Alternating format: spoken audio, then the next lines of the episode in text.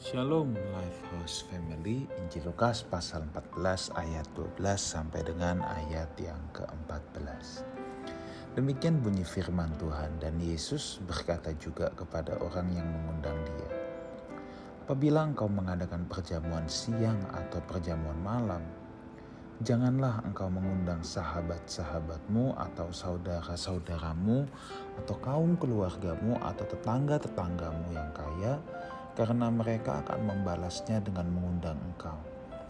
Dan dengan demikian engkau mendapat balasnya.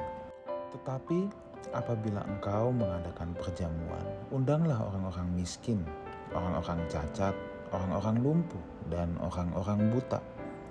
Dan engkau akan berbahagia karena mereka tidak mempunyai apa-apa untuk membalasnya kepadamu sebab engkau akan mendapat balasnya pada hari kebangkitan orang-orang benar. Saudaraku, apa yang dikatakan Tuhan Yesus ini benar-benar men-challenge akan pemikiran kita.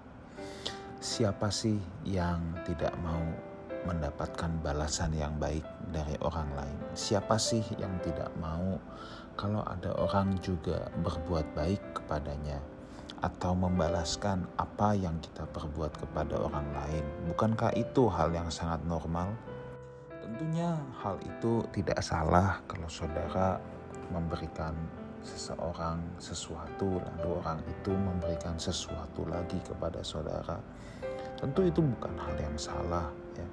Katakan ketika hari raya saudara uh, bikinin kue untuk tetangga ke, uh, kemudian ketika nanti hari Natal tetangga saudara juga bikinin kue buat saudara itu kan hal yang menyenangkan dan itu baik-baik saja saudara ya.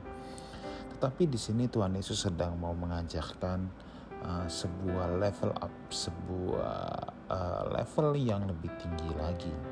Kenapa saya katakan lebih tinggi lagi? Sebab Tuhan mengajarkan untuk kita bisa memberi, bisa mengasihi, bisa berbuat sesuatu tanpa pamrih. Tanpa pamrih. Nah, ini yang agak sulit, saudara. Ya.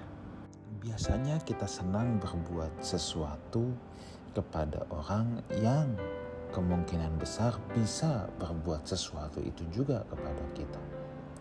Sekarang bagaimana kalau kita berbuat sesuatu kepada orang yang pasti yang pasti tidak bisa berbuat sesuatu untuk kita. Tetapi justru Tuhan mengajarkan untuk hal itu, saudara ya. Jadi ingat ya, perumpamaan ini bukan berarti saudara tidak boleh berbuat sesuatu untuk sahabat-sahabat, untuk saudara-saudara, bukan, boleh ya. Tetapi kita juga perlu belajar saudara ya untuk bisa berbuat sesuatu kepada orang yang tidak mungkin bisa berbuat apa-apa kepada kita. Itu sebuah level yang lain lagi. Itu sebuah level yang baru lagi. Ini adalah melatih sebuah ketulusan, sebuah keikhlasan.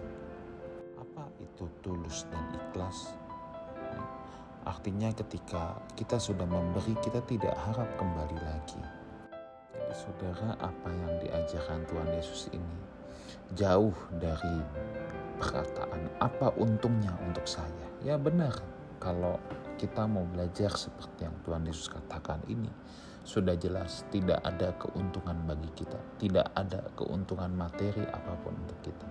Tetapi percayalah, kita akan untung bukan secara materi, tapi kita untung secara batiniah. Apa maksudnya? Sebab ketika kita bisa menghidupi apa yang Tuhan katakan ini, kita belajar punya hatinya Tuhan. Hati yang tulus, hati yang ikhlas, hati yang siap menjadi roti yang terpecah, anggur yang tercurah bagi orang lain. Tuhan Yesus menyertai kita semua. Amin.